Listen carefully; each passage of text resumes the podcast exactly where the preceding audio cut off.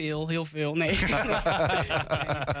ik denk dat je als uh, ambtenaar uh, echt iets kan betekenen in de maatschappij. En dan vind ik dat sowieso wat je doet. Als je iets doet wat je leuk vindt en waar je elke dag energie van krijgt, denk ik dat je sowieso iets kan betekenen voor een ander.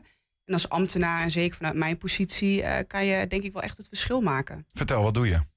Ik ben namelijk procesmanager bij Kenniscentrum Mensenhandel Twente. Goedemiddag, procesmanager. Daar begint het al, hè? Daar begint het alweer. ambtenaren worden. Ja, ja, ja precies. Ja, ja, Maar goed, bij, bij Kenniscentrum Mensenhandel Twente. Yes. Oké, wat, wat, doe je dan precies? Wat houdt het in?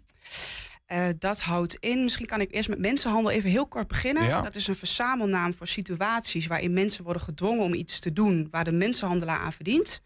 En dat willen we in Twente natuurlijk tegengaan. Dus namens de 14 Twentse gemeenten en met de 14 Twentse gemeenten proberen we daar uh, ja, situaties te stoppen, slachtoffers te helpen en daders uh, te stoppen. Ja, dat, klinkt als een, eh, als een serieuze zaak en ook iets waar als je daar kan bijdragen, dat ik inderdaad kan voorstellen dat als je s'avonds op het bankje ligt na vijf uur. Eh, ja, stipt vijf uur. vijf uur ja. dat, dat je dan eh, dat, dat er zeker iets van dankbaarheid uh, in zit. Nou, als dat lukt. Het geeft voldoening dat je iets kan betekenen voor iemand anders. Dus dat vind ik heel erg fijn. En het is inderdaad een belangrijk thema dat we dit uh, aanpakken in Twente. En procesmanager, dat, dat is nogmaals best wel een moeilijk woord. Wat houdt dat dan in? Als je het hebt over mensenhandel, dan kan je je voorstellen dat mensen die daarmee in aanraking komen, echt in een, een hele vervelende situatie zitten, echt mensonterend. En dan is het belangrijk dat we sowieso met de zorgkant en met de veiligheidskant, dus politie OM, uh, samen tot een plan komen. En het is mijn taak om dat plan bij elkaar te brengen, die verschillende domeinen, zodat we uh, ook echt iets kunnen betekenen voor iemand anders. Hoe kom jij er dan bij? Uh, want je, je doet dat en dat doe je niet omdat je dan een prijs kan winnen, maar gewoon omdat je dat mooi werk vindt. Mhm. Eh, dat je uiteindelijk dan Twentse jonge ambtenaar van het jaar wordt. Hoe gaat zoiets? Ja, hoe gaat zoiets? Mijn uh, collega's uh, die hebben mij daarvoor opgegeven. en dan word je gevraagd, kan je iets over jezelf vertellen? En toen dacht ik al, ja, dat voelt een beetje gek. Hè, want ik heb mezelf hier niet voor genomineerd. Dus ik vond het wel een hele mooie kans om het thema, het complexe thema, waarmee onder de aandacht te brengen. Dus zo heb ik hem ook ingestoken. Ik denk, hé, hey, nu mag ik een filmpje opnemen, wat weer wat verspreidt. Ja. Um, en eigenlijk elke kans die ik krijg om daarover te vertellen, pak ik aan. Dus dat heb ik gedaan. Maar het thema het mensenhandel in ja. Twente bedoel je dan? Ja. ja. ja. Want, nou goed, je zit hier nu ook. Van, wat zou je daarover... Is dat vooral voor mensen die in dat veld werkzaam zijn? Of moet de wereld, hè, moet, moet ik, uh, moeten wij iets weten over mensenhandel in Twente? Ik geloof dat iedereen uh, een rol en verantwoordelijkheid kan hebben om er iets aan te doen. Uh, slachtoffers van mensenhandel, dan heb ik het over gedwongen prostitutie, gedwongen in de drugshandel uh, hè, moeten werken, jongeren die pakketjes van A naar B moeten brengen, die trekken meestal zelf niet aan de bel. Dus we zijn hè, afhankelijk van mensen om hun heen om uh, een melding te maken. En dat kan dan bij ons. Dus wij moeten jongeren aansporen om jullie te zien als het misgaat? Jongeren, ouderen, iedereen kan bij ons terecht. Ja. Je hebt die titel, daarmee kun je deze boodschap verspreiden. Um, hier bijvoorbeeld. Maar wat, waar dan nog meer? Wat, wat betekent het dan precies dat je die titel hebt? Ik krijg een uh, coachingstraject ook. Dus dat helpt mij weer om hè, nog uh, dingen beter te kunnen doen. Dus dat vind ik heel erg fijn.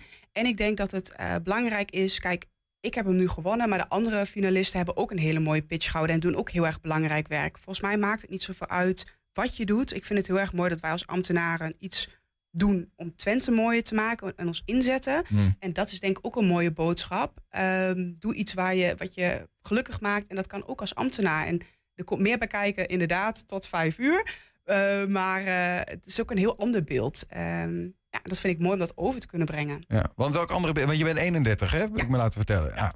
De, hoe beland je uiteindelijk bij dit vak, zeg maar? Wat, en wat, wat heeft jou gebracht dan dat je uiteindelijk nu hier zo zit te shinen voor... Word ambtenaar? Ja, nou, uh, vroeger als klein meisje vertel ik wel eens... Mijn uh, moeder pest me nog dat ik als uh, klein meisje in de buggy al naar politieagenten zwaaide als een fangirl. En toen dacht ik, ik wil andere mensen veiligheid bieden. En nou ja, dan word je wat ouder. Ik heb bestuurskunde gestudeerd. En toen dacht ik, ja zijn ook nog opties om iemand veilig te houden naast de politie. En uh, het kenniscentrum valt ook onder uh, Veiligheidsregio Twente. En ik kan nu vanuit mijn positie niet alleen die veiligheidskant, maar ook de zorgkant veel mhm. integralen met scholen samen. Um, ik denk dat dat als ambtenaar heel erg gaaf is. En dat je echt iets uh, ja, voor, voor de Twentse medeburger kan doen. Ja. Is het een roeping? Ehm, ik weet niet of dit een roeping is, maar ik weet wel van kinds af aan dat ik heel graag iets wil betekenen voor een ander. Daar ging mijn pitch ook over. Ik had mezelf groot uitgeprint als klein meisje. Ehm, met de kernboodschap: doe iets waar jij als kleine zelf trots op zou zijn. Ja. Nou ja, goed. Eh, je hebt natuurlijk ook eh, vakken, ik noem uh, leerkrachten bijvoorbeeld, hè, mhm. die, die ook iets voor een ander doen. Ja. En nou, die je wel eens hoort zeggen. Ja, nou ja, die ambtenaar zijn en mhm. daarmee dus ook soms aan een bepaald salarisplafond vastzitten. En zeggen van ja, dit moet je nou niet doen om, om rijk te worden, maar omdat het een, een roeping is. Ja, ja, ik zit net zeker niet in het veld inderdaad om uh, geld te verdienen. Had ik iets commercieels moeten gaan doen natuurlijk. Ja. Maar ik denk dat iets doen wat je leuk vindt zoveel meer belangrijker is dan, dan wat je verdient. En dat ik elke dag naar werk mag gaan met een supergaaf team, kundige collega's en een onderwerp waar ik denk, daar kan ik het verschil maken. Ja, dat is mij heel veel waard. Ja. Je, je werkt bij dat kenniscentrum vanuit Veiligheidsregio Twente, hè? Ja, daar ben ik in dienst. Um, dat betekent ook dat je de coronaperiode hebt meegemaakt eh, in veiligheidsregio Twente, die natuurlijk een soort van centrale rol heeft gespeeld. Om, Nou ja, eh, heb je daar mee te maken gehad? Ja, toevallig wel. Ik ben nu anderhalf jaar in deze functie bezig. En de functie hiervoor werkte ik bij de geneeskundige kolom van de veiligheidsregio. De GOR noemen we dat, hè, om even in ambtenaren afkortingen te blijven. Ehm, en daar heb ik inderdaad een coördinerende rol mogen hebben uh, binnen het crisisteam. Uh, om afstemming te zoeken hoe we in Twente dingen aanpakten. Ja. Wat is, wat is hierin dan ook eigenlijk een beetje jouw, jouw, jouw endgame? Wat, wanneer kun jij echt zitten en denken van... nou ja, nu ben ik tevreden en ik heb gedaan wat ik wou? Mm -hmm. Vind ik een hele goede vraag, want dat is ook direct mijn valkuil. Hè? Als ik ergens ben dat ik denk, oeh, wat zou ik nog meer kunnen doen... en kan ik nog meer uh, van mezelf vragen? Maar op dit moment zit ik echt wel waar ik zijn moet en uh, ben ik heel erg blij. En uh, over een paar jaar, ja, ik volg gewoon mijn hart. En als ik iets anders gaaf zie waar ik op dat moment pas, dan pas ik daar. Ja. Het, lijkt me ook wel, uh, want je noemt nu twee dingen. Hè? Mensenhandel, waar je nu mee bezig bent in mhm. Twente. En, en dan heb je die coronaperiode, waarin het op, op een bepaald moment misschien wel wat Kijk, je wil, je wil iets voor andere mensen doen. En op een gegeven moment mhm. ontstond er een discussie in die coronaperiode. Van wat is nou eigenlijk goed? Waar mhm. doen we nou eigenlijk goed aan? Mhm. Eh, dan lijkt het me best wel ingewikkeld. Dat je in een positie zit bij Veiligheidsregio Twente. Terwijl sommige mensen zeggen van ja, maar wat wij nu doen is geen veiligheid. Dat is juist, uh, je, je, je, er ontstaat juist meer sociale afstand. Waardoor mensen ongelukkiger worden en dat soort dingen. Heb je daarmee, zit je daarmee in je maag in die positie als ambtenaar? Ik denk dat dat vooral een politieke discussie is geweest. Ehm, wij vanuit de veiligheidsregio richten ons natuurlijk uh, voornamelijk op de fysieke veiligheid. Misschien, hè, dus, dus um, uh, hebben de ziekenhuizen voldoende bedden? Uh, hoe zit het met de huisartsen? Is er voldoende zorg voor iedereen? Mhm. En wat jij nu bespreekt is inderdaad een politieke discussie die we wel hebben meegemaakt, die, maar die ik niet vanuit mijn rol heb hoeven te voeren. Ja. Um, en volgens mij is het belangrijk dat ja, dat we samen ergens voor stonden. En hè, wat daarin is gebeurd, is denk ik dat wij ons hebben ingezet om het zo goed mogelijk met de kennis die we toen hadden, om het zo goed mogelijk te doen. Ja, dat blijft dan je, je leidraad, zeg maar. Ja, nee, maar goed, als ambtenaar, want daar, daar komt een beetje vandaan. Als ambtenaar ben je uiteindelijk uitvoerder van wat, wat politiek besluit dat goed is. Hè? Ja. Uh, en ik kan me voorstellen dat dat soms ook wel eens ingewikkeld is. Dat je, dat, dat je, dat je zelf een idee hebt bij van, nou, ik zou dat echt anders doen of zo doen. Ja. ik weet niet, wat is eigenlijk je vrijheid? Ik merk, zeker in de positie waar ik nu zit, ik heb uh, hele fijne bestuurders uh, die heel goed luisteren. Toevallig gisteren is er nog een wethouder bij mij op meeloopstage geweest om te kijken hoe het op de werkvloer gaat. Dat vind ik heel erg tof aan Twente, dat zij heel erg betrokken zijn. Uh, hele korte lijnen in Twente, dat vind ik heel erg uniek in de regio. dus zij luisteren heel erg wat wij nodig hebben. En ik voel daar zeker vrijheid om daar invulling aan te geven. Ja. En zij zijn natuurlijk voor het stip op de horizon. Wat willen we als Twente? Maar als ambtenaar uh, voel ik daar zeker wel bewegingsvrijheid. Ja. Nog heel even terug naar die, naar die titel. Twentse jonge ambtenaar van het jaar, wat je bent uh, in 2022. En dan nog denk ik een stukje van 2023. Ja, aankomend jaar. Uh, aankomend jaar. Dacht ik aan de bak. Ja. Um, dit is een jury die kijkt daarnaar. Hè. Daar zat onder meer de winnaar van vorig jaar, Willem-Jan Velderman, zat daarin. Ja. Uh, maar ook de burgemeester van, van Hengelo, hè, Sander Schelberg bijvoorbeeld. Ja. Um, wat, wat zeiden zij dan over jou? Of wat, en, en waren er ook nog dingen die beter konden wat dat betreft? Uh, ik heb geen feedback gekregen over de pitch.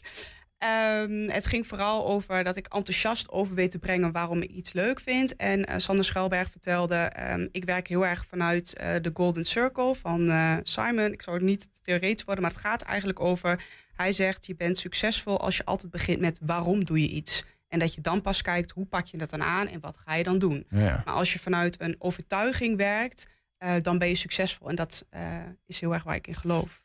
Hielp het ook een beetje dat eh, hij af en toe voorzitter van Veiligheidsregio Twente was, plaatsvervangend? en dat jij daar werkte? Dat gevoel, dat gevoel had ik niet, want ik had niet de meeste stemmen. Dus uh, nee, nee, nee, nee, nee, nee. Hoe werkt dat dan? Je krijgt, ook nog, je krijgt ook nog stemmen? het was complex. Je moest de campagne voeren, je kreeg stemmen, het publiek mocht nog stemmen en de jury. En dat allemaal samen was het uh, eindvoordeel. Oh, ja. Dus je moest het echt van de jury hebben, of? Uh, ja, de stemmen lagen dicht bij elkaar, heb ik gehoord. Maar uh, iemand anders was uh, populairder. Ja. ja Oké. Okay. Nou ja, was, als... niet, was niet favoriet bij het publiek. ja, pijnlijk, pijnlijk. Als, alsnog gewonnen, dat is toch gewoon extra goed? Ja. En ook dat weten ze weer complex te maken. Hè? Sorry. volgend jaar zelf in de jury dus? Ja, zeker. Is dat, is dat, ja, vind je dat leuk? Om, eh, En waar, wat is dan iets waar, waar jij van zou zeggen, nou, dat is iets waar ik op ga letten? Nou, de opdracht was dat er eigenlijk veel te weinig jonge ambtenaren waren genomineerd. Dus ik ga me er zeker voor inzetten dat wij allemaal als ambtenaren, dus ook van de politie, ook van de basisscholen, gewoon alle ambtenaren uh, iemand gaan aandragen waarvan ze denken, ja, die doet uh, ze stinkende best. Wat zou, wat, het. Wat zou je dan mooier vinden? Zeg maar deze prijs voor jezelf? Of als je bijvoorbeeld over twaalf jaar uh, iemand anders hebt die ook net zo jong is als jij, die jij dan de, de, de jonge Twentse ambtenaar van dat jaar kan maken? Oh, maar dat is geen complexe vraag. nee. Um, ja, dat laatste natuurlijk. Uh, het, dat heb ik ook tijdens de pitch gezegd. Weet je, het gaat helemaal niet om mij. Mijn werk gaat ook niet om mij. Mijn, mijn werk gaat om de samenwerking. Hè? En wie ben ik? Um, dus zeker uh, het doorgeven en andere mensen enthousiast maken. En uh, ja, zeker dat. Ilse Sanders, dankjewel voor je komst. En uh, geniet ervan, van je titel. Twentse ja. Jonge Ambtenaar van het Jaar. Jullie bedankt. Zometeen jouw medische gegevens terugvinden in een roman. Het overkomen patiënten van het Bravis ziekenhuis. Thomas ten Berge legt uit wat er misging. En hoe onze medische gegevens bij wet beschermd zijn. En we zijn ook te vinden als podcast. Op alle bekende platforms vind je ons. Hele uitzendingen, maar ook elke dag knippen we één item los. En die krijg je dan in je bakje. 120. 120 vandaag. Ja, dealers in de achtertuin, hangjongeren bij het station en drugsgebruikers in de wijk. Het zijn enkele problemen die het drugsprobleem in Glanenbrug optekenen. Nieuw is het zeker niet. Toch doet de wijkagent er alles aan om het probleem aan te pakken. En dit keer doet hij dat zelfs met een caravan. Nou, ik voel me daar gewoon niet veilig. Ik ga ook niet meer met de trein. Uh, mensen zitten daar, wordt gedeeld. Uh, ja, er wordt echt veel lawaai gemaakt. Hier heel veel last uh, in Glanenbrug. Met drugs.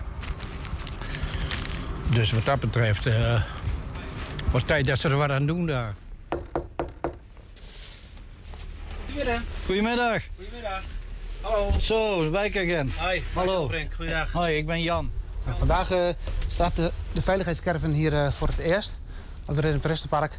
Um, voor de veiligheid, leefbaarheid uh, van onder andere de buurtbewoners. Um, we zijn hier op een laagdrempelige manier voor de buurtbewoners. Dat ze kunnen binnenlopen. Uh, voor allerlei uh, vragen op uh, veiligheid, leefbaarheid. Achter dat hoekje, dat is raar. Die bewoner die doet ook raar met zijn auto erachter neer. Maar ja, dat weten jullie allemaal wel, denk ik. Voor mij geeft het al een heel goed gevoel dat we in ieder geval gehoord worden. En dat er niet gewoon maar een, een, een memootje van gemaakt wordt als er een keer gebeld wordt of wat dan ook. Maar dat het daadwerkelijk, dat ze, dat ze er wel boven, bovenop zitten. Ja, ik snap ook wel dat er een zeker risico is. Want ik ben ook wel een keer bedreigd door zo'n dealer. Want ik maak gewoon foto's als, als ik gewoon eerst mee word. Het is ook lastig om te verwoorden, omdat het vaak ook gaat om een gevoel. Hè? Mensen die uh, voelen zich onveilig. En waarom dat dan precies in zit, ja, dat is voor iedereen, uh, is voor iedereen anders. Het is natuurlijk ook heel lastig meetbaar. Maar we hopen dus ju juist door die caravan en door echt met mensen in gesprek te gaan... om daar ook een vinger uh, op te kunnen leggen. Wat maken ze hier?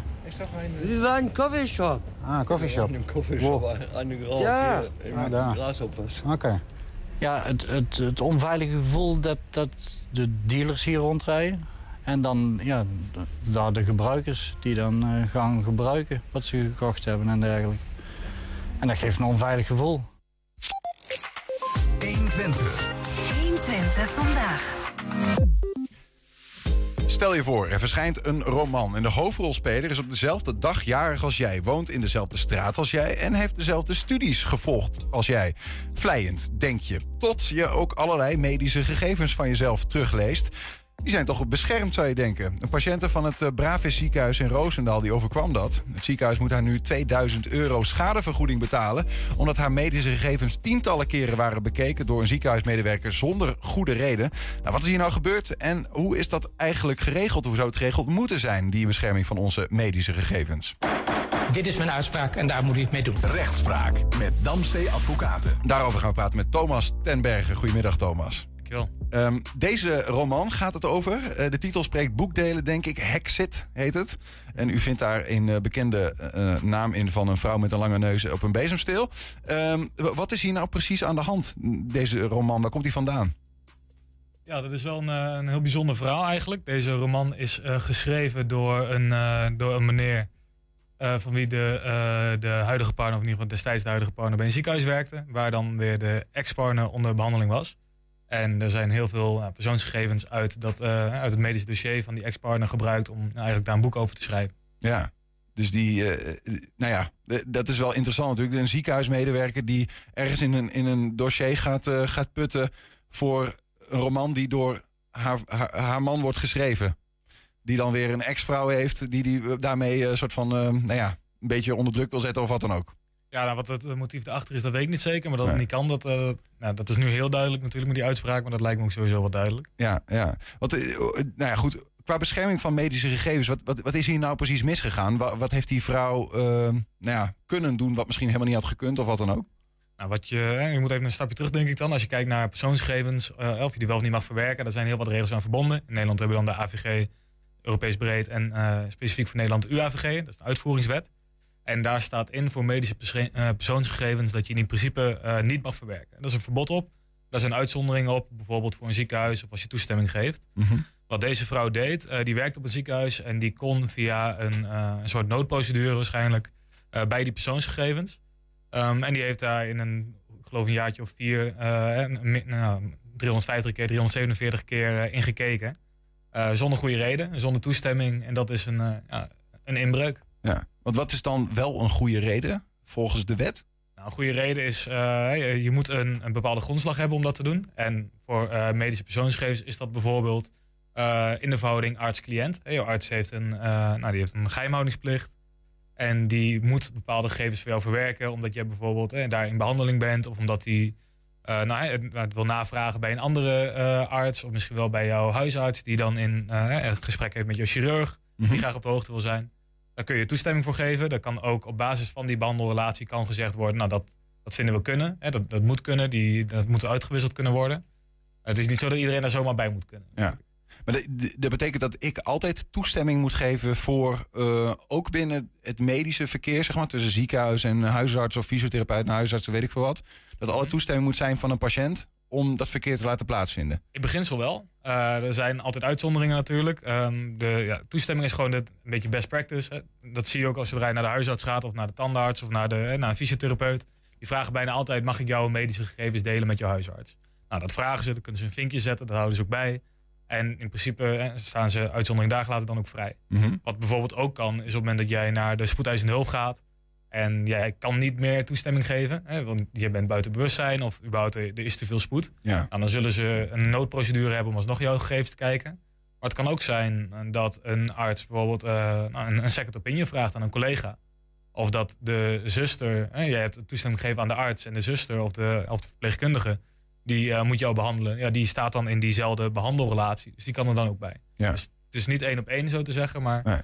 Ja, want die, die noodprocedure, die noemde je net ook al. Dat is mogelijk ook uh, dat wat hier, waar hier gebruik van is gemaakt door deze ziekenhuismedewerker bijvoorbeeld. Nou, wat je wel vaak ziet, en wat in dit geval dus ook zo was, is dat um, je niet per se een reden hoeft te hebben om in een bepaald medisch dossier te zitten op het moment dat je in een ziekenhuis werkt. Ja. En dat ging hier ook mis. Achteraf konden ze zien dat het dus 347 keer was gebeurd. Maar er is nergens een, een alarmbel afgegaan of een vlaggetje in lucht ingaan van deze persoon moet hier helemaal niet bij kunnen. Of, ja. En dat, dat, zou, dat is ook de reden dat het ziekenhuis op de vingers is getikt met dit moet beter, dit mag niet zo gebeuren. Hebben ze dat nu veranderd? Weet je dat toevallig?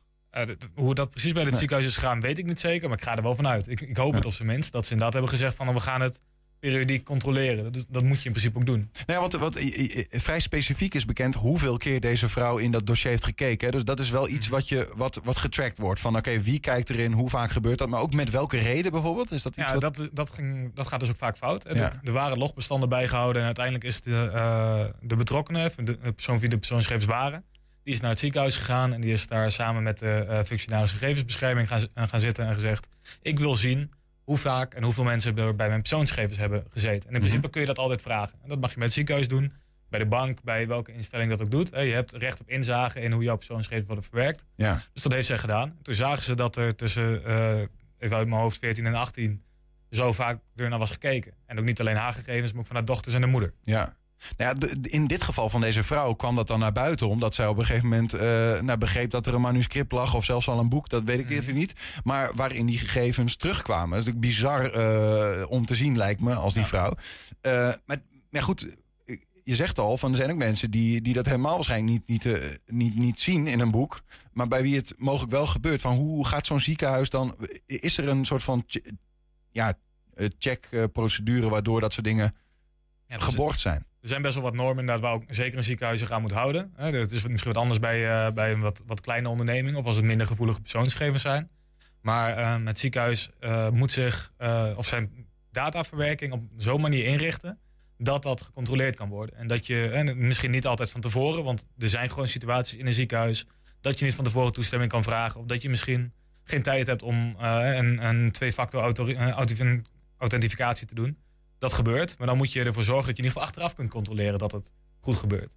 Um, dus ja, wat ik zeg met die noodknop. Je komt daar binnen, uh, je kan geen toestemming geven. Of ze kunnen überhaupt niet controleren of je toestemming hebt gegeven. Mm -hmm. uh, dan kunnen ze op die noodknop klikken. Iedereen kan bij jouw gegevens, die op dat moment die gegevens nodig heeft. Het moet wel noodzakelijk zijn. En dan kun je achteraf kijken, oké, klopt het allemaal? En dus dan moet je misschien één keer in de maand overal doorheen gaan. Ja. En waarschijnlijk de, de arts die aan het werk is op de spoedeisende hulp... ja, die kun je misschien al wel wegstrepen. Want dat een hele grote kans dat die persoon daarbij moest. Weet je ook nooit 100% zeker, maar dat is wel aannemelijk. Maar een, ja, een, uh, een, een telefoniste of uh, misschien iemand die op financiën werkt, ja, dan zul je wel moeten controleren, moet deze persoon wel bij deze gegevens? Ja. Zijn er ook um, uh, gevallen waarin de medische wereld het een beetje irritant vindt, deze slotjes die erop zitten? Vast. En ik weet ook op het moment dat de AVG in werking trad, in 2018, toen was er best wel veel weerstand. Uh, omdat ze zeiden, ja, de, de last is al heel hoog. Hè. We moeten al heel veel uh, documenten bijhouden. De werklast is heel hoog. Um, de AVG en de UAVG zijn wel zo ingevoerd dat daar eigenlijk niet heel veel aan moest veranderen. Er is wel veel meer bewustzijn gecreëerd. Um, maar in principe is de situatie daarvoor. Daarvoor hadden de WBP, de Wetbescherming Persoonsgegevens. En nu hebben we de AVG, de Algemene Verordening Gegevensbescherming. Um, dat daar niet heel veel verschil in zat. Dat dat in principe in elkaar moest overvloeien. Ja, ja. Uh, dus ik snap heel goed dat persoonsgegevens, en zeker binnen de medische zorg, dat er gezegd wordt, ja, we moeten er snel bij kunnen en het moet allemaal uh, ja, misschien wel ongecontroleerd. Dat is niet helemaal het goede woord, maar in ieder geval wel, wel makkelijk. Ja. Uh, en dat, dat, dat ben ik zeker met ze eens, maar dan moet je het wel achteraf kunnen controleren. Ja, dus er was vooral dat er dat, het, dat ze meer bewust ermee om moesten gaan en zelf ook dachten van ja, we moeten er nu echt aan. Ja, je ziet zelfs dat heel veel gezondheidsinstellingen heel erg aan doorschieten zijn nu. Dat ze bijvoorbeeld zeggen, ja, we mogen patiënten niet meer bij hun naam noemen. Ja, dat, vind ik nergens op slaan. en dat, dat is eh, eigenlijk bij wet mag dat gewoon. Ja, dat is, uh, wel. Ja, dat, kijk, je, je moet het tot een bepaalde hoogte moet je het gewoon garanderen. Maar. Ja. In dit geval um, begreep ik dat mevrouw, die patiënt waar, waarvan dus die gegevens in dit boek terectkwamen, een schadevergoeding heeft gekregen. Omdat, nou ja, dat is dan de reden, omdat dus die gegevens waren ingezien zonder goede reden. Mm -hmm. um, heeft, is er in dit geval ook nog een boete uitgedeeld eigenlijk, omdat dus de privacy ook is geschonden? In dit geval weet ik niet. De, de zaak in kwestie dat ging inderdaad om een schadevergoeding. Dus de rechtbank heeft gezegd, nou, mevrouw, u heeft schade geleden. Uh, ik geloof niet dat de autoriteit persoonsgegevens hier een boete voor heeft opgelegd. Dat kunnen ze wel doen. dan doen ze zelf onderzoek. maar dat is wat anders dan een schadevergoeding. Dus ja. Een boete is echt om te straffen. En een schadevergoeding is om te compenseren voor de schade die iemand heeft geleden. En als je, als je kijkt naar uh, wat, wat, breder kijkt naar dit soort uh, soortgelijke gevallen, zeg maar. Ik geloof dat hetzelfde, hetzelfde ziekenhuis heeft een half jaar later, nou, het, het, voordat het voor het eerst gebeurde, heeft, mm. heeft er ook nog wat gespeeld. Wat zijn, ja, wat voor gevallen weet jij nog? Wat, wat gebeurt er? Nou, ik weet bijvoorbeeld wel, dat was volgens mij bij een ander ziekenhuis, een tijd geleden met, met Barbie. Waarbij heel veel medewerkers hadden gekeken in haar, in haar dossier. Die konden gewoon inloggen, die konden het openen. En daar is een boete opgelegd van, uh, van 300.000 euro. Ja, ja. Dus dat zijn wel hele grote bedragen. En er worden elk jaar wel meerdere boetes uitgedeeld. Ook zeker bij zorginstellingen. De, de autoriteit persoonsgegevens is daar best wel, uh, best wel strak op. Ook heel veel aan de overheid. Dus een tijdje geleden nog bij de Belastingdienst voor die zwarte lijst. Ja. Dat zijn allemaal dingen die gecontroleerd worden. Mag het wel, kan het wel en gaat het op de goede manier. Ja, dus het wordt gelukkig goed voor ons in de gaten gehouden. Maar met de kanttekening dat de autoriteit persoonsgegevens niet altijd de mankracht heeft om alles te onderzoeken, toch? Nee, ze zijn zwaar ondermand. Dus ze zullen uh, voor nu vooral focussen op de, de, de grotere vissen, zeg maar. Ja. Uh, maar en of als het inderdaad gaat om hele uh, gevoelige persoonsgegevens. Er was een tijdje geleden was er ook een zaak van een tandarts bijvoorbeeld. En die had uh, zijn website waar klanten zich konden inschrijven niet heel goed beveiligd. was een kleine tandarts, 12.000 euro boete. Is alsnog veel geld, maar vergeleken met 300.000 wel wat minder. Ja. Uh, maar dat was dan aan de hand van een klacht. Dus daarom is het ook wel heel belangrijk als je iets tegenkomt waarvan je denkt dat dit vind ik niet prettig of dit kan echt niet. Dat je dan een klacht indient. Ja. Anders zal het bij die grote blijven, denk ik. Klachten indienen kan dus altijd. Eh, of het Zeker. opgevolgd wordt, dat is, uh, nou ja, of, kijken of er genoeg capaciteit is daar bij de autoriteit. Uh, nou ja, even tot slot dan dit boek. Uh, als mensen het nog zouden willen lezen, dat moet ik toch maar even zeggen. dat kan niet, want die is uit de schappen gehaald. Klopt. Ja. ja, dus dan weet je dat ook bij deze. Hè. De, de gerechtshof in Den Bosch die vond dat de innodig, inhoud onnodig grievend was voor de vrouw. Ondanks dat de, de hoofdpersoon een gefingeerde naam had, namelijk Helga. Dan weet je dat bij deze ook. Thomas ten Berge, dankjewel voor je komst. Graag gedaan. Zometeen een nieuwe editie van het Twents kwartiertje met daarin aandacht voor de dag van de vrachtwagenchauffeur. 120. 120 vandaag. Elke vrijdag om 4 uur bespreken Roos en Olivier een nieuwe puber struggle in 120 podcast Struggles. Geen enkel onderwerp is ze te gek en morgen komt er wel een hele bijzondere aflevering online. Ze hebben namelijk een speciale gast uitgenodigd om gezellig mee te praten. En nu gezellig bij ons is de maker van die podcast Olivier Schullenburg. Olivier, welkom. Dankjewel. Nou ja, voordat we gaan praten over die speciale gast, misschien leuk om de spanning daarin een beetje op te bouwen. Jullie zaten hier, jij samen met Roos, uh, allebei de twee makers van deze podcast. Een tijdje geleden zaten jullie hier om het te lanceren. Ja, inderdaad. We zijn nu al bij aflevering. Aflevering 6 gaat morgen online komen. Zes morgen al? Ja. Uh, hoe gaat het? Ja, heel goed. Superleuk om te doen. Ja, we zijn elke week uh, druk met een nieuwe aflevering. Eerst voorbereiden, waar gaan we het over hebben? Kijken we naar de enquête, want onze podcast is voor, voor pubers, voor tieners gaan het hebben over puber- en tienerstruggles. En nou ja, vandaar ook de naam. Dus dan kijken we naar de enquête. Waar gaan we deze week gezellig over hebben? En op basis daarvan gaan we, duiken we de studio in. Gaan we lekker kletsen en dan komt er weer een aflevering uit. Zie je ook dat het een beetje begint rond te zingen? Dat, uh, dat de pubers of misschien wel de nou ja, mensen die iets ouder zijn... dat die jullie weten te vinden? Nou ja, in Hengelo uh, hebben we wel een trouwe, trouwe groep luisteraars, inderdaad. Ja. ja. En heb je, heb je daar een beetje leuke reacties op? Van, hey, dit, dit vind ik leuk. Of misschien zelfs, hey, dit kan beter. Nou ja, wat wel een, grappig verhaal is. Uh, Roos die was deze week een video aan het opnemen op een school. En toen kreeg ik drie appjes van, is Roos op mijn school? Dat was een middelbare school. Er waren echt mensen die haar dus hadden herkend van de podcast. Uh, en misschien ja. wel toen we hier in de studio zaten. En mij toen hebben geappt van, is Roos op mijn school? Uh, klopt dit? Maar oh, het was grappig, drie inderdaad. mensen. Ja. ja. Ja, nou wat tof. Ja. Een van de vaste luisteraars is Niels Veurik hoor. Ja? Ja, zeker. Ja, wat, ja. Wat, wat, wat is jouw... nou ja, we zijn nu toch... wat, wat is jouw favoriete aflevering? Waar ging het over? Um, Want je, nou ja. je, moet eentje hebben waarvan je dacht, dit luisterde ja, weg. Uh... Ja, in alle eerlijkheid, de laatste uh, heb ik dan niet meer uh, zo meegekregen. Dat is, um, ben je ooit echt volwassen? Misschien. Ja. ja, nee. Um, nou, dat is een goede vraag. Dat, want, want, het is ook een tijdje terug dat ik natuurlijk de eerste uh, podcast ik, ik, ik, heb ga, ik ga ze heel even langs. Misschien dat je dan... Je hebt uh, aflevering 1 was Ik weet niet wie ik ben. Aflevering 2, school is belangrijk, mentale gezondheid is belangrijker. 3 mm-hmm. was, hoe geef jij je grenzen aan? En 4 was, een relatie is net als geloven in een religie. Ja, ik, ik denk uh, die, die tweede met school, die vond ik wel heel leuk. Met school, ja? Ja, omdat uh, wat ik merkte, is, jullie zijn allebei 17. Uh, dat voor jullie zeg maar ook de middelbare school nou, is iets van kort geleden. Maar zelfs de basisschool zat deels nog in jullie geheugen, zeg maar. Klopt. En dat vond ik gewoon heel grappig om te horen. Omdat voor mij is dat ja, iets verder weg. En ik, kan, ik heb daar bijna geen um, tastbare herinnering. Ik nog wel een beetje natuurlijk. Maar dat vond ik heel leuk. Dat het bij jullie zo, uh, ook die puberteit, ja, daar kom je, zit je nog net in eigenlijk. Of kom je net uit. Dat ja, het, het zo dicht. allemaal een beetje daar dat het zo dicht nog, uh, dat jullie praten, maar jullie zeggen dan van ja, weet je wel, uh, ja, dat was al in 2000, uh, 2018 of zo, weet je wel. Dat ik denk van 2018, dat is, dat, is, dat is gisteren, zeg maar. Maar voor jullie is dat ja, meer een eeuwigheid ja, geleden. Is, dan was ik een heel andere persoon toen. Ja. Ja, dat, is wel. dat vind ik heel leuk. Maar en, en, ik heb dat ook tegen Roos gezegd. Maar goed, dat ik vind, dat is met die aflevering over grenzen bijvoorbeeld ook wel. Ik vind het heel, dat jullie er heel intelligent over praten. Dat is ook echt, ik vind het, eh, jullie proberen te ontleden um, wat nou een grens eigenlijk is bijvoorbeeld. En waar grenzen aangeven eigenlijk vandaan komt. Dat het ook heel veel te maken heeft met identiteit bijvoorbeeld. Hè. Dat, en ik vind die analyse gewoon heel sterk. Maar goed, dat genoeg uh, loftrompet. Maar ik vind de leuke podcast, je hebt een mooie chemie. Um, morgen, wat gaat er gebeuren? Morgen, ja, ik, mag ik het een beetje inleiden? Ja, zeker. Doe je ja, we, hadden, we, hadden, we hadden een paar afleveringen afgenomen. Eh, opgenomen. En toen dachten we, ja, het, het, zou ons heel erg leuk lijken om echt een professional uit te nodigen. Iemand die zelf heel gespecialiseerd is op een onderwerp. Wij kunnen altijd praten vanuit onze ervaringen. We kunnen ons dingen voorstellen.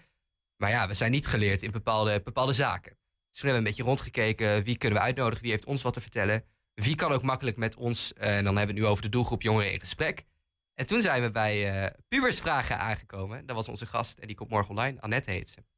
Annette Mijnheer. Zeker, ja. Van, van, de, van de TikToks? Van de TikToks, Nou, ik denk dat heel veel mensen uh, haar nog niet kennen. Hoewel ze echt een grote schare volgers op TikTok ja, heeft. Zeker, ja. Als je, als je rond mijn leeftijd bent, of wat jonger of wat ouder, dan, dan weet je precies over wie ik het heb. Oh ja? Ja, zeker. Oh, dat is wel weer, ook wel weer grappig. Ja, of ernstig voor mij misschien, de generatiekloof die hier duidelijk wordt. Ja. Maar even voor mensen van mijn generatie of uh, nog uh, ouder. Wie is Annette Mijnheer en wat doet ze? Uh, Annette Mijnheer is een, een mevrouw met een TikTok-kanaal. TikTok is een uh, een social media platform waar je video's... Dat weet ik wel, Olivier. Zo, zo. In dat geval gaan we dat nee, heel even goed, overslaan. Heel goed, nee, goed dat je dat zegt. Uh, ze maakt daar video's en ze beantwoordt daar eigenlijk vragen over van allerlei zaken die kijkers haar insturen. Een beetje zoals ons, maar dan korter en op een andere manier.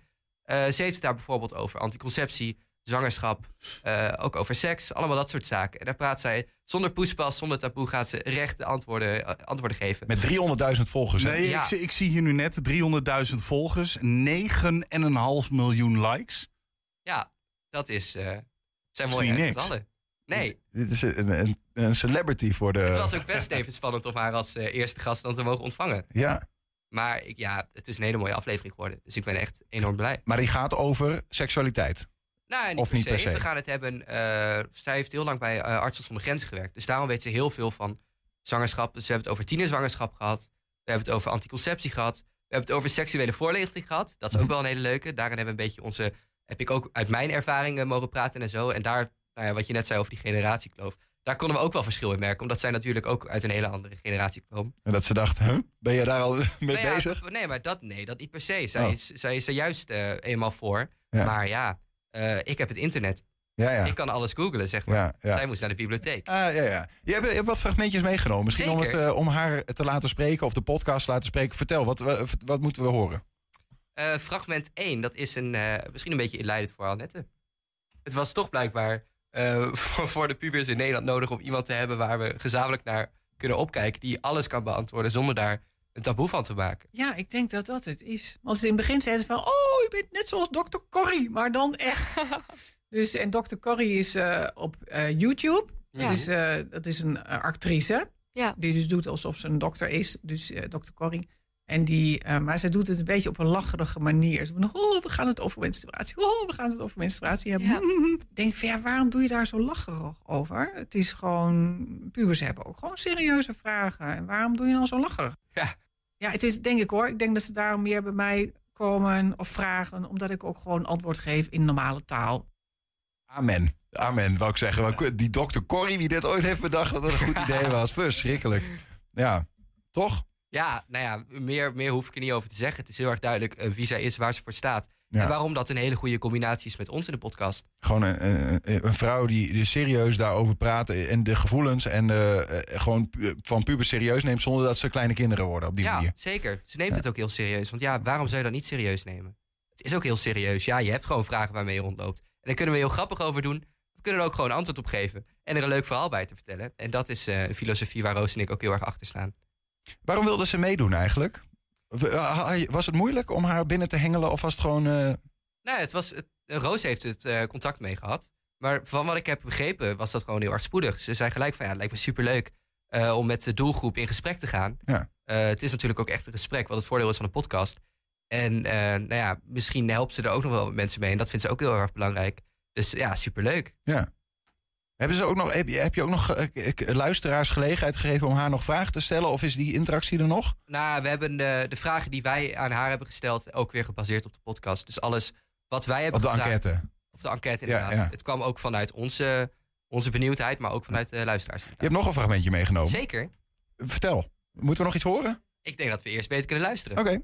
Als ik een filmpje maak over abortus, oh, dan gaat het wel los, ja. Hoe gaat het dan los? Nou, van, uh, nou, dat uh, jij promoot abortus. Ik promoot helemaal niks. Ik zeg alleen dat vrouwen eigen keuze moeten maken. Dat uh, abortus heel slecht is. En het kind is door God gegeven. En had, had het meisje maar beter op moeten letten. Ik denk van, hoezo, dat meisje, je bent met z'n tweeën. Ja. Dus, en een condoom kan wel inscheuren. En de pil is niet foolproof. Het gaat soms wel eens mis. En dat, uh, ja, en dan ben je zwaar. En dan? Ja, en dan? Dit gaat over, over het, het, politieke stukje achter uh, wat, wat zij wel of niet uh, zegt allemaal. Ja, nou ja, dat is, ja, als je het hebt over een onderwerp zoals abortus, dat is natuurlijk super serieus. En iedereen heeft daar een mening over en iedereen vindt daar wat van. Ja. Daar hebben we het ook wel over gehad. Ja, het is Ja. tegenwoordig best wel lastig om een onderwerp te bespreken zonder dat iemand gelijk gaat noemen wat hij daarvan vindt en wat, wat jij daarmee zou moeten doen. Komt er ook allemaal bij kijken. Ja. Ja, maar, ik, maar be- bespreek je dat met haar in die podcast ook zeg maar, de ethische kant van eh, keuzes die je maakte eh, op seksueel Ja. gebied bijvoorbeeld? Zeker, ja, want ja, dat is gewoon heel erg belangrijk. Ja. En ook gewoon om over na te denken en om bij stil te staan. Vanuit welke eh, expertise vertelt zij dit soort dingen eigenlijk? Is zij gewoon ervaringsdeskundige en vindt het leuk om hierover te praten, om het zo te zeggen? Of, Artsen zonder Grenzen heeft ze lang, lang gezeten. Dus vandaar dat ze dit allemaal heel Ja. goed weet. En ook echt in detail kan vertellen over hoe dat nou werkt. ik vind het leuk. Nog, nog- gewoon nog één fragmentje doen. Klein fragmentje nog doen. Ja. Ja, ik hoorde dat laatst ergens. Dat vond ik wel heel interessant. Als je een kind krijgt, ook al wil je het nog zo graag, moet je je wel beseffen dat je vanaf dat moment ben je ouder en je wordt nooit meer geen ouder van dat kind. Dus het is echt iets wat voor de rest van je leven dat blijft. Dus Ja. je moet daar heel goed over nadenken. Ja. Ja, je moet er heel goed over nadenken. Dit is maar, een stukje eh, filosofie ja. van Roos. Nou ja, maar je weet natuurlijk hoe het gaat, hè? Als de hormoontjes opspelen, dan... Dan eh, wil het nog wel eens... eh, Dan kalft het je hierboven soms een beetje af. Precies, ja. Maar dan ben je nooit meer tiener. Nee, dit Ja. kwam heel erg vanuit, vanuit Roos. Dat ze ergens gelezen en heel mooi verteld in de podcast. Ja, dat zijn de dingen waar je dan niet bij stilstaat. En dan, dan hoor je dat en denk je, oh ja. Heeft ze daar tips voor, Annette? Geeft ze daar tips voor van, van hoe kun je jezelf nou in de hand houden? In de hand houden. Nou ja, Leuk. Dat, dat noemen ze in minuut één. Dat gaat toch niet gebeuren. Laten we heel eerlijk zijn. Dus je moet het veilig, veilig dan op gaan lossen. Ja, in de hand houden. Als het gewoon op een goede, ge- gelukkige, fijne manier gebeurt, zou dat ook niet nodig moeten zijn. Maar dan moet je wel oppassen. We gaan hem luisteren. Morgen komt hij online. Hoe laat? Vier uur? Vier uur. Vier uur. Morgenmiddag. eh, struggles op eh, alle bekende platforms, denk ik, hè? Ja, alle podcasts. Met de Annette Mijnheer, de, de, de TikTok-ster. Pupersvragen. Geweldig. Olivier, dankjewel. Dankjewel. Heb je een tip voor de redactie? Mail dat dan eventjes naar info.120.nl 120. 120 vandaag. Een mooi streektaal, vind ik mooi. Twents kwartierken. En onze eigen Annette Mijnheer, daar komt ze aan, hoor. Maar dan, ja, Adrie Hemming geeft ook altijd een soort van seksuele voor- voorlichting, maar dan altijd op een andere manier. Per ongeluk. Pro- in Ze komt hier al te laat binnen, ze krijgt de helft niet mee. Want Nee. je bent, ik zie je alleen maar druk bezig daar. Ja. Heb, je, heb je meegekregen? Ik heb eigenlijk eh, niks meer. Nou, we hadden het over Annette Mijnheer. Ken je Annette Mijnheer? Oh, is dat die mevrouw die antwoorden beantwoordt? Of, eh, beantwoorden? Pubersvragen. Ja, Ja, ik, op ik ken haar niet persoonlijk, maar Ja. ik weet wel wie ze is. Ik heb Nou ja, er goed. over gelezen. Ja, die- En die geeft dan bijvoorbeeld ook nou ja, een soort van seksuele Oh voorlichting. ja. ja, dat doe, En ja. eh, nou ja, eh, je bent ook niet vies van om af en toe, af en toe eventjes iets erin te gooien, maar dan onbewust. denk ik dan. Goed, we gaan gauw door naar eh Twents kwartierken van vandaag. We gaan weer nieuwe taal van jou leren, Twentse woorden. We hebben er, nou je hebt er vier voor ons voorbereid, of drie in een quiz. Eén gaan we mee de straat op. En die hang je altijd aan een thema. Daar komen we zo op. Maar eerst even de woorden van vorige week. Ik mag niet eens reageren. Dat is echt Je mag wel reageren, moet je gewoon doen. Ja, dat doe ik niet. Oké. Dan, dan, dan verlul ik me weer. dat dacht ik al. Ja. Eh, kappelken. Dat is een Mhm. groepje. Woord 2. Ja, over, overgang. Daar was nog natuurlijk wel een beetje Ah, discussie daar heeft over. Annette Mijnheer het ook wel eens over gehad. Ja, Over de Ja, ja, ja, ja, Nou, dat weet ik niet. Sorry, pubers daar al mee bezig Flauw, zijn. flauw, flauw. Nee, nee, nee, dat Ja. is eh, grensgebied. Ja. En, uh, zwil in de oren. Zwil in de oren. Dat was uh, niet luisteren. Ja, ja, en dan het woord van de week. Vroot. Nou, dat is toch geweldig mol. Ja. van vroeten kwamen we een beetje achter. Hè? Nou ja.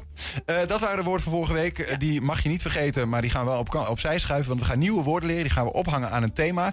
En het thema heeft te maken met de dag van vandaag. Hè. Je kent natuurlijk wel, uh, op radiomakers en de dol op. Uh, het is vandaag de dag van. Eerder deze week was bijvoorbeeld de dag van de vrijwilliger. En je had ook de dag van de ninja. Ja. En vandaag is het jullie al de dag van. De vrachtwagenchauffeur. De vrachtwagenchauffeur. Het is reden voor Hans Olde van de Monnikdranken in uh, Oldenzaal... om zijn chauffeurs, zijn chauffeurs dus in het zonnetje te zetten. En we hebben Hans aan de telefoon. Hans, goedemiddag. Goedemiddag. Zometeen even over jouw uh, chauffeurs. Maar misschien even goed om uh, dat te duiden. De Monnikdranken, wat, waar kunnen we dat van kennen? Nou, ons bedrijf, we hebben, we hebben een familiebedrijf dat is gevestigd in Oldenzaal. En ja, wij werken landelijk. Dus wellicht dat jullie onze wagens wel eens gezien hebben op de weg. Eh, wat, wat, is, wat, wat drink ik als ik de monnikdranken drink? Uh, dat kan zijn gedistilleerd, dat kan zijn wijn. Dat kan, uh, kan, kan eigenlijk alle, alle dranken kunnen het zijn. Wij, ons bedrijf heeft, heeft drie activiteiten. Wij, wij zijn een grossier in drank in de breedste zin van het woord. Ongeveer 10.000 artikelen op voorraad.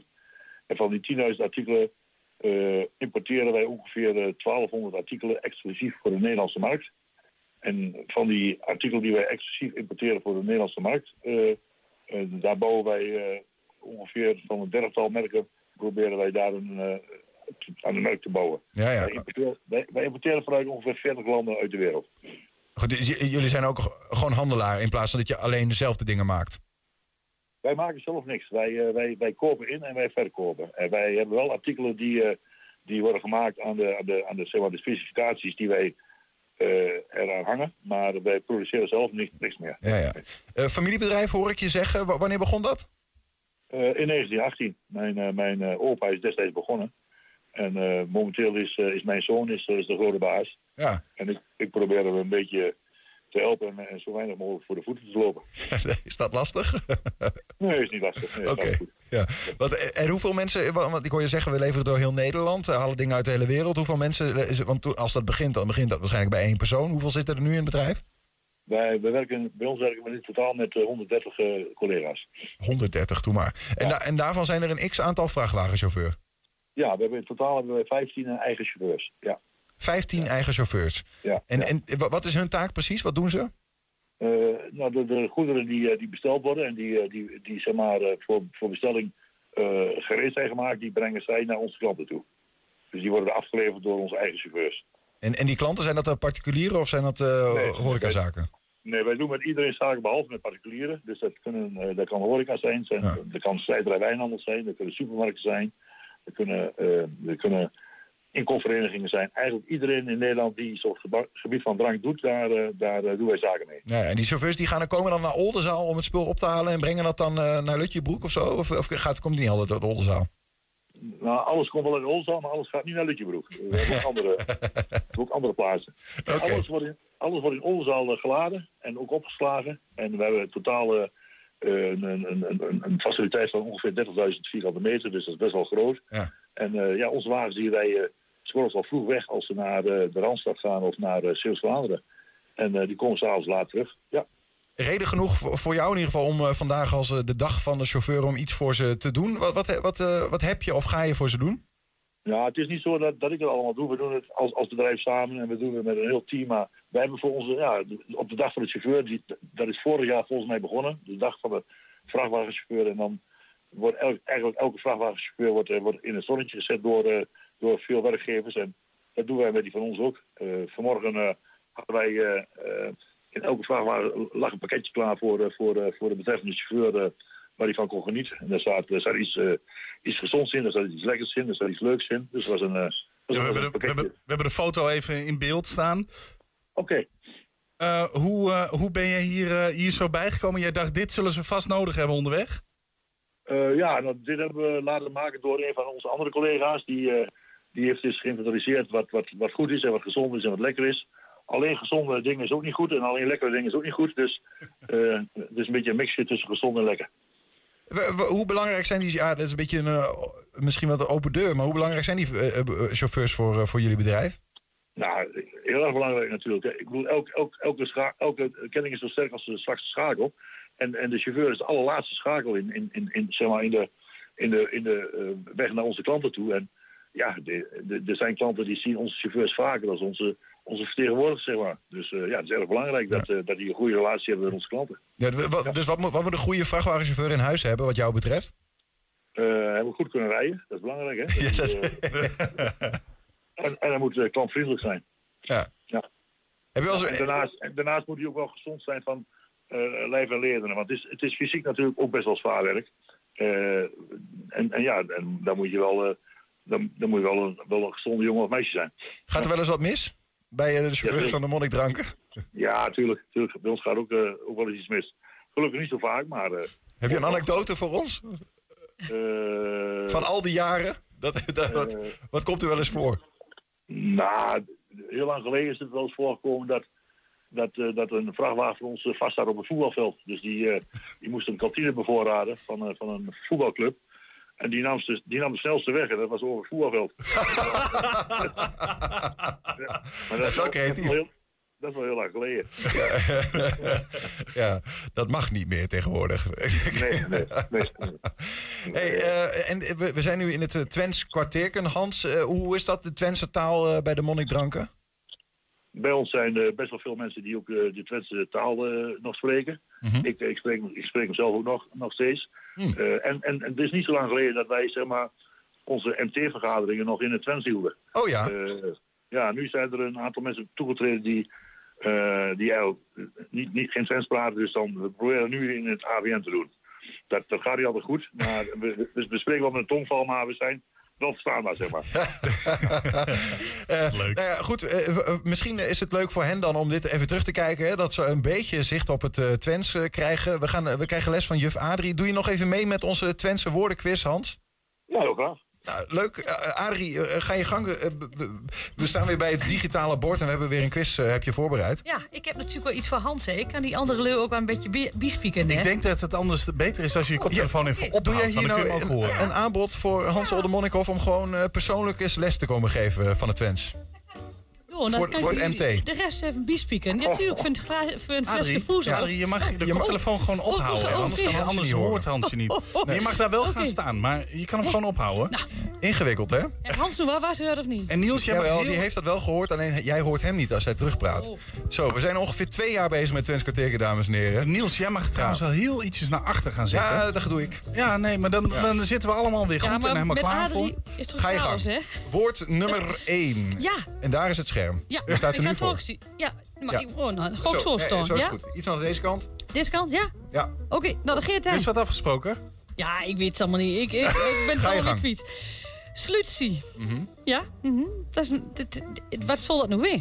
Is dat A, een file? Hè, dat je gewoon sluit aan. Mm -hmm. Is het B, bandenplak? Ja. Of oh, is het wacht, ik moet heel Hans, uh, kun je zelf de, de, radio iets zachter zetten of, uh, waarmee je luistert? Want anders horen we onszelf dubbel. Ja, ik heb hem uitgezet. Oké, okay. Dankjewel. of is het C, de laatste vracht? Dus we hebben slutie. Is dat A, file, B, bandenplak of C, laatste vracht? Dat is de vraag die voor ligt. Uh, ik, kijk hier even Julian aan. Ja, nee, ik, ik, ik zou het heel logisch vinden als het, uh, als het C zou zijn. Want een, een, een laatste vracht, een, een, een sluitstuk, een slutie...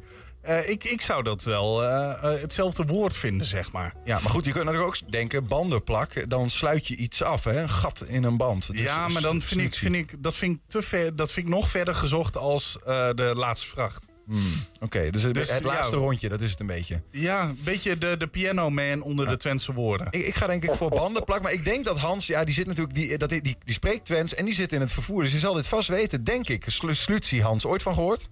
Nou, ik, ik, als ik het niet nou, ik, ik, ik hoor op zee, maar als ik als je mij vraagt, is het Pools, maar het is Twents begrijp ik. Slutsie. de, de Poolse valuta. ja. Slutsie, Pools. Adrie, is het Pools? Het is geen Pools, nee. Ja, het is wel weet. Pools, maar... maar we kunnen er wel van maken. Ik bedoel, dan hebben we nog weer... Uh... Maar geef ons het verlossende antwoord. We vullen in antwoord B, uh, bandenplak. Maar wat is het goede antwoord, uh, Adrie? Nou, Niels, je hebt het gehoord. Want uh, mijn, mijn godmoeder zei altijd... een beetje solutie erop. Het is solutie. Het is een, een ah. materie. Het is solutie. Het is En het druppeltje solutie, ja. Slussie? Ja, nee, ja, als je het zo had uitgelegd, dan was ik met je meegegaan. Ja. Ja, ja, Nee, het is echt wandelplak. Maar dat eigenlijk voor de fiets, hè. Maar ja, ik kon het voor de vrachtwagen niet vinden, dus... Uh... nou, bij deze, Hans, die kun je, die kun je toevoegen aan de MT-vergaderingen. Ja. Ja, ja, inderdaad. solutie, had ik geweten, maar solutie niet. Nee, nee, nee. Woord nummer twee, we gaan er gauw verder. Ja, rappelement. Dat is wel een heel mooi woord. Mooi woord, hè? Rappelement. Klinkt als iets wat je bij de gemeente kan aanvragen. Ja, is dat A, hè? Is dat een berisping? Hè? Dat je te hard rijdt of je hebt iets niet goed gedaan als chauffeur? Is dat B, trilling? Dus dat je, dat je door, uh, door gaten in de weg rijdt, dat je hele bestelling uh, trilt? Of is het C, een herhaling? Want ze hebben veel her eh, herhalende klanten die bij hun bestellen, ga ik vanuit. Dus wat is een rappelement? Niels? Ja, dit, kijk, als je in Frankrijk rijdt, dan zie je heel vaak borden langs de weg. En dan staat dan onder rappel. En volgens mij betekent dat zoveel als herhaling. Nogmaals, uh, het, je mag hier maar 70 bijvoorbeeld. Ik heb diezelfde borden ook gezien. dus ik, ik, ik denk dat dus ook. Maar goed, misschien heb ik dat mijn hele leven wel verkeerd gedacht. Dus eh, dat is wel rappellement. Uh, Hans, ander idee, berisping, trilling of herhaling? Ja, ik, ik, ik, ik denk ook herhaling. Nou, dan zijn we het nou, eens. Zijn we het unaniem eens. Vullen we gewoon herhaling in. Vullen we in antwoord nummer C. Arie heeft een blik op de hoofd alsof het niet goed is. nee, dat geeft niet. Het is, het is een berisping. Ik kan er niks aan doen, jongens. Het is echt mooi. Ja, nou ja. Het, eh, de, Bijbel van de Twents, hè? De, de Twents woordenboek van Goitsen van de Vliet. Ja, uh, berisping, rap element. Ja. Um, en, ook, uh, de, en ook het, uh, het boek van uh, Dijkhuis. Dan hebben we het steeds ook in. Oké, okay, nou, we geloven ja. je, zeker. Ja. ja. absoluut. Nou, we gaan gauw door, want dit is, dit, dit is geen goede zendtijd voor onze oh, woorden. Je waar, je waar, dit is leermoment. Zo oh, je dat zien. Slagmols. Mm -hmm. Mm -hmm. Is dat A, is dat vaak? He, dat, je, dat ze vaak wat bestellen. Is dat een draaiende motor? Dat iets gewoon stationair draait? He, dat, dat je het hoort draaien he, elke keer. Of is het slalommen met een... Met een met een vrachtwagen. vrachtwagen. Ja. nou ja, of in ieder geval is sla ja. ergens slalommend het is best lastig hoor, als vrachtwagenchauffeur. Je moet overal langs heen en deur heen. En jo, ik heb een, een filmpje gezien waarbij een vrachtwagenchauffeur achteruit reed. En dan precies langs een, uh, een bekertje wat ergens stond, een bekertje water. Ik vind het ongelooflijk knap. Maar slagmals, dat is dus het Twentse woord. Betekent dat vaak draaiende motor of slalommen. Uh, dit is weer zo een waarvan ik ze alle drie niet zie. Ik ga, ik ga e- maar, eerst even bij Hans uh, ja, misschien, misschien, misschien heeft Hans een idee. Ik, ik zou zeggen vaak. Heb je daar ook nog argumentatie bij? Nee, maar ik, ik, ik, ik, ik, kom mij, ik, gebruik het zelf, ik gebruik het woord zelf niet, maar uh, ik, ik heb wel oudere mensen die het wel regelmatig gebruiken. Dus volgens mij okay. is het vaak. Ik vind dus dat een mooi woord. gebruiken hem slagmols. Ja, exact. ja. ja. nee, maar dat vind ik leuk. Ja. Dat, ik, ik, vind het wel, ik zou het mooi vinden als het vaak betekent. Ja, of misschien dat je vaak aan slag mag. Uh, net zoals bij, bij honkbal. Dan ben je uh, ook slagmols. Of ja, is dat weer heel ver? is een hele bijzondere Ja, nee, dat dacht ik al wel weer, uh, Niels. Ik zag het aan je ogen. Maar ik vind slagmals uh, draaiende motor, zeg maar, als in dat hij uh, stationair draait, zou ik ook wel een mooie uitleg vinden. Dus ik ga gewoon voor draaiende motor zelf. Um, maar ik vind, als het vaak is, vind ik het leuker. Vullen we in antwoord nummer B. Adrie. het is vaak. No, ja, applaus voor Hans. Ja, ja, ja. Is, is telkens weer, is dit. Ja, ja, ja. ja. ja. Slagmals. Ik vind het leuk. Een mooi woord. Ga ik proberen te integreren in mijn taalgebruik. Ah, het bent, het bent wel moeilijke woorden. Moet ik moet ik dat gebruiken? Ja, Zoiets. Dat, ja, doe dat maar eens. Um, we hebben nog één woord te gaan, Adrie. Daarmee gaan we de straat op, althans, Bo ging dat. Woord van de week. Ja, het is weer zover. Het Twents woord van de week. Met deze week het woord kadoostermenneken. En ja, is dat A, suikeroom, B, suiplap of C, winterkoninkje? Het is koud, dus we gaan snel de straat op met het woord van de week. Ik denk winterkoninkje. Winterkoninkje? Ja, ik denk dat ook wel. Ik denk ook wel winterkoninkje. Ja, winterkoninkje. Ja? Ja. Ik heb geen flauw idee. Ik zou ook zeggen winterkoninkje. Winterkoninkje? Ja. ja. Um, B misschien? B? Zo Ja. Ik ga eruit van uh, winterkoninkje. Ja? Denk ik. Klopt dat? Ik denk C. Ik denk B. Oh, ik zou het echt niet weten. Uh, um, A? Het zal vast suikeroom zijn. Uh, winterkoninkje. Ja? Ja. Ik heb geen idee. Gokje. Kadolster ben ik. A, Suikeroom. Suikeroom? Ja. Ik denk C. Winterkoninkje? Ja. En waarom? omdat, eh ja, omdat het beter lijkt meest op. Lijkt Dat- meest op? Ja. En waarom denk jij? Ja, ik vind het eigenlijk ook wel weer het meest op lijken. Nou, volgens mij zijn het vogeltje, ja. Ehm Ik heb echt geen idee. ik, dan denk ik aan carnaval. En carnaval, dan ben je de koning van de winter misschien wel. Dus dat was een beetje de, het idee wat ik erachter had. Mannequin, Seuplap, dat denk ik. Gewoon een gok eigenlijk. Ook een pure gok? echt niet, nee. Ja, instinct. Ik word vaak zo genoemd. Aha. Hm. Geen idee. Komt voor je op? Ja. Koninkje. Daar Denk komt het eh, dichtst eh, in Ja. de buurt. En waarom denk jij? Ik heb geen idee. Ik gok maar wat. Ik kan er niet van maken, sorry. Het woord kadolstermanneken. Is het A, suikerom, B, suiplap of C, winterkoninkje? Ja, ik heb eigenlijk het vaakst antwoord A, suikerom en antwoord B, suiplap gehoord. C viel mee. Ja, Kels, wat denken jullie? Jij wordt ook echt steeds platter, hè? Wat leuk, Bo. Maar ik ken het wel. Het is inderdaad van zo'n carnavalsvereniging. Het is, de, het is, Is dat volgens in Oldenzaal, denk ik De carnavalsvereniging in Oldenzaal. Denk ik of niet? Weet ik eigenlijk niet. Ja, Hans? Ja, het is, het is de, de belangrijkste carnavalsvereniging van Oldenzaal, de, de, de cadeaustermannekes. Zijn dat een beetje zuiplappen daar? Nou, dat, dat, dat betekent het woord niet. Het woord Nee, het is een winterkoninkje, toch? Ja, ja. Want het vogeltje is het logo van de vereniging, als ik het goed heb. Exact, een vogeltje met een, met een das om. Ja, dat is Een het eh, vogeltje, logo. dat is al. Eh, Oké, maar ik vind, dan is die uitleg die iemand daar op straat had. Dat is in de carnaval is een beetje rond de winter altijd. Winterkoninkje. Komt het daar ook vandaan? Weet je dat toevallig, Hans? Eh, nou, het- het logo van de cadeaustermannekes is inderdaad zo'n vogeltje met een das om. Ja. Dus eh, zo'n winterdas. En eh, ja, het, het is wel een winterkoninkje. En, en, en het is eh, zeg maar de hoofd, eh, hoofdcarnavalsvereniging van Oldenzaal. Dus de stadsprins van, van Oldenzaal die is eh, voortgekomen uit de cadeaustermannekes. Kadolstermannekes. Nou, eh, we- om het even nog helemaal volledig te maken. Bo geeft het juiste antwoord. Ja, het is antwoord C, winterkoninkje. Ik hoop dat je het goed had. Ja, het is... Ja, dat was. De- eh, ik- ja, nee, Ja, ja, ik wil hem nog wel even geven, hoor. Maar... Heel, heel goed gedaan. Kadolstermanneke. Ik wist het niet, maar ik kende de naam wel. Dus winterkoninkje weten we wel bij deze ook. Ik heb trouwens ook nog even opgezocht. Hè. Rappelleren, we kennen dat woord natuurlijk ook uit het Nederlands.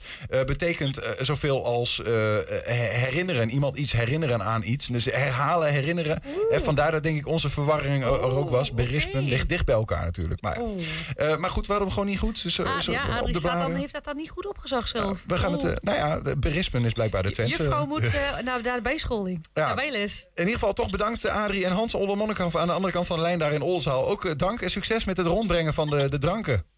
Dank jullie wel, graag gedaan. Voezel, hè? Dat kent het toch wel? Voezel, voezel. Ja, precies ja.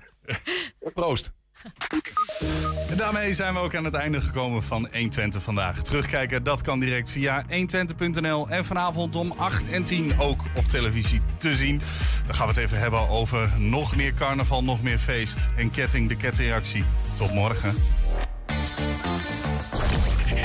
120. Weet wat er speelt in Twente. Met nu het nieuws van 5 uur. Goedemiddag, ik ben Robert-Jan Knook. Schiphol heeft al 16 miljoen euro betaald aan stikstofrechten van boeren. Er zijn drie hele boerderijen gekocht met gebouwen en grond en al. En verder nog de rechten van boeren die willen stoppen, maar wel in hun boerderij blijven wonen. Schiphol heeft meer stikstofruimte nodig om een half miljoen vluchten per jaar uit te voeren. Nederland moet alle registers opentrekken.